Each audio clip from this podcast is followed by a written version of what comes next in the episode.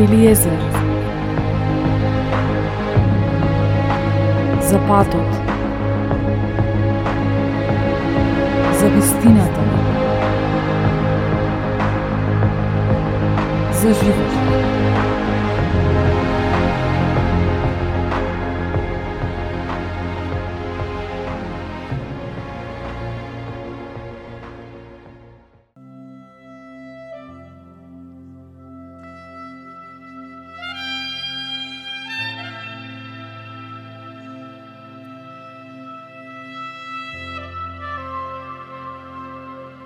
Од каде доаѓаат моќта и авторитетот? Исус Христос дојде на земјата овластен од небесниот татко. Исус Христос е син на Господ Бог. Тој никогаш не престана да биде Бог. Тој беше 100% човек и е 100% Бог. Во прво послание на Јован Богослов, третата глава, осмиот стих, пишува зашто беше властувањето кој прави грев од дјаволот е, зашто дјаволот греши од почетокот. Па затоа и се јави Синот Божие за да ги урне делата дјаволски. Планетата Земја беше заразена од злото, од дјаволот и демонската орда кои донесоа целосен хаос, загуба, смрт, уништување. Исус дојде да поправи и да ги уништи делата на дјаволот – Авторитетот во кој тој владееше беше поврзан со неговото властување. Човек не може да биде овластен се додека не биде подвластен или подчинет за поставената цел или мисија. Така Исус дојде со мисија на небесниот татко и го практикуваше небесниот авторитет како човечко битие. И полицаецот, на пример, има авторитет – но нема авторитет да изгради куќа без дозвола. Истото и за други позиции, затоа се одредени правата и обврските за секој работно место или функција. Јас и ти имаме авторитет. Исус по неговото воскреснување застана пред неговите ученици и рече Сиот авторитет ми е даден мене, така што одете по светот, проповедајте го Евангелието, учете ги луѓето, научете ги на она што ве учев јас а во тоа се вклучува како што пишува во Матеј, лечете ги болните, оживувајте ги мртвите, избавувајте ги од злото. Тоа е дело до властувањето. И на крај, Исус додава дека ќе биде со нив секогаш. Исус тогаш ги овласти учениците. Во Евангелие според Лука и во Евангелие според Матеј пишува Болни лекувајте, лепрозни очистувајте, мртви воскреснувајте, бесови изгонувајте. Бесплатно добивте, бесплатно давајте. Што значи им даде мој и авторитет.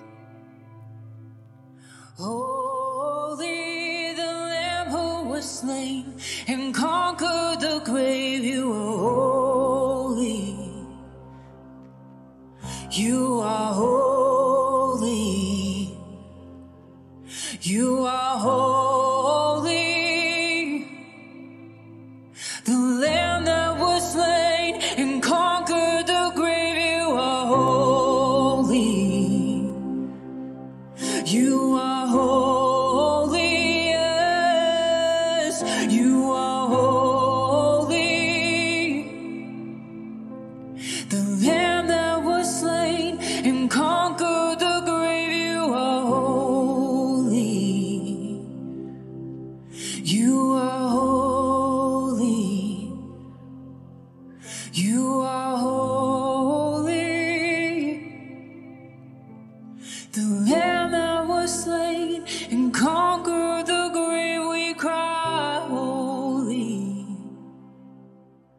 Исус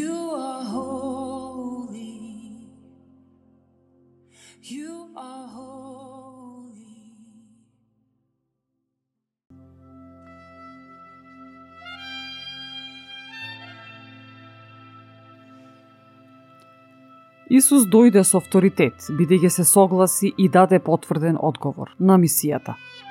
А пак Јован Крстител ги крштеваше луѓето во вода и им рече дека доаѓа после него човек кој ќе ве крсти со светиот дух и со оган.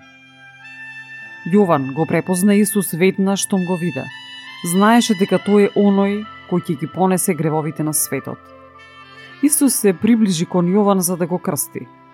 Јован беше свесен дека не е достоен за тоа и дека нему му е потребно Исусовото крштевање. Јован ги крштеваше луѓето за да се покајат, а Исус немаше ниту еден грев, немаше за што да се покаја. Исус беше крстен како посредник. Застана како посредник за сите оние кои ќе се покаја за сите гревови и ќе го побараат и прифатат како спасител, што не вклучува и мене и тебе. Светото писмо укажува дека Јован Крстител беше најголем од сите пророци во Стариот Завет, а најмалиот во небото беше подобар од Јован.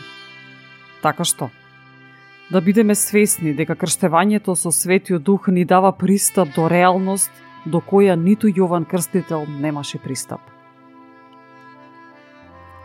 Исус кога излегуваше од водата, небото се раздели, се отвори. Истото разделување, раскинување е спомнато во Матеј, кога Исус умре каде што завесите во храмот се раскинаа и камењата околу градот Ерусалим се раскрши на половина. Што значи ова разделување, кршење? Светото писмо ни го опишува непријателот како принц на воздухот. А што Исус се крсти во водата, се случи раскинување, разделување на воздухот, на небото, и Светиот Дух слезе над Исус и тогаш Исус ја доби моќта. Така што Исус дојде со авторитет, бидејќи рече да на мисијата. Но дојде со моќ заради средбата, а нашиот авторитет доаѓа од нашето да на овластувањето, а моќта ни доаѓа во средбата. Да запомниме, значи нашиот авторитет доаѓа од нашето да на овластувањето, а моќта ни доаѓа во средбата. Исус им даде авторитет и моќи на своите ученици, додека беа со него. Но кога отиде и седна од десната страна на небесниот татко тој им рече: И ете, јас ќе го испратам врз вас ветувањето од мојот отец, а вие останете во градот Ерусалим, дури не се облечете во сила од озгора.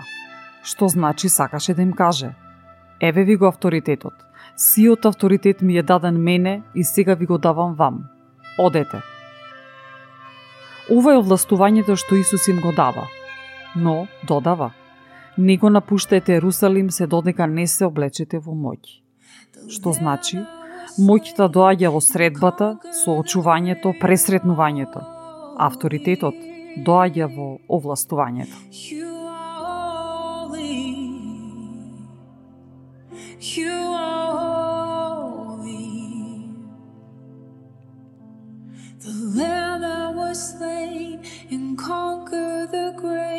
You call me out of darkness into your light. Oh, the lamb that was slain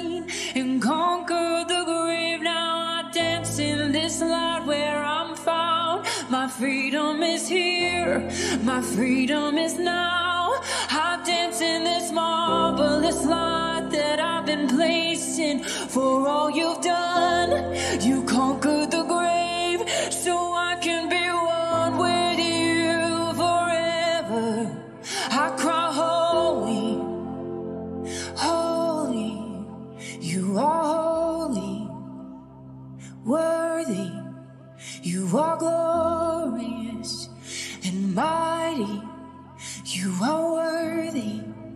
You are worthy.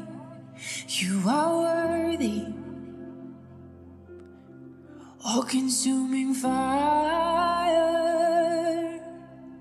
in my life, in my life, you're the all consuming fire. In my life, you're burning bright. You're the all-consuming fire. Eliezer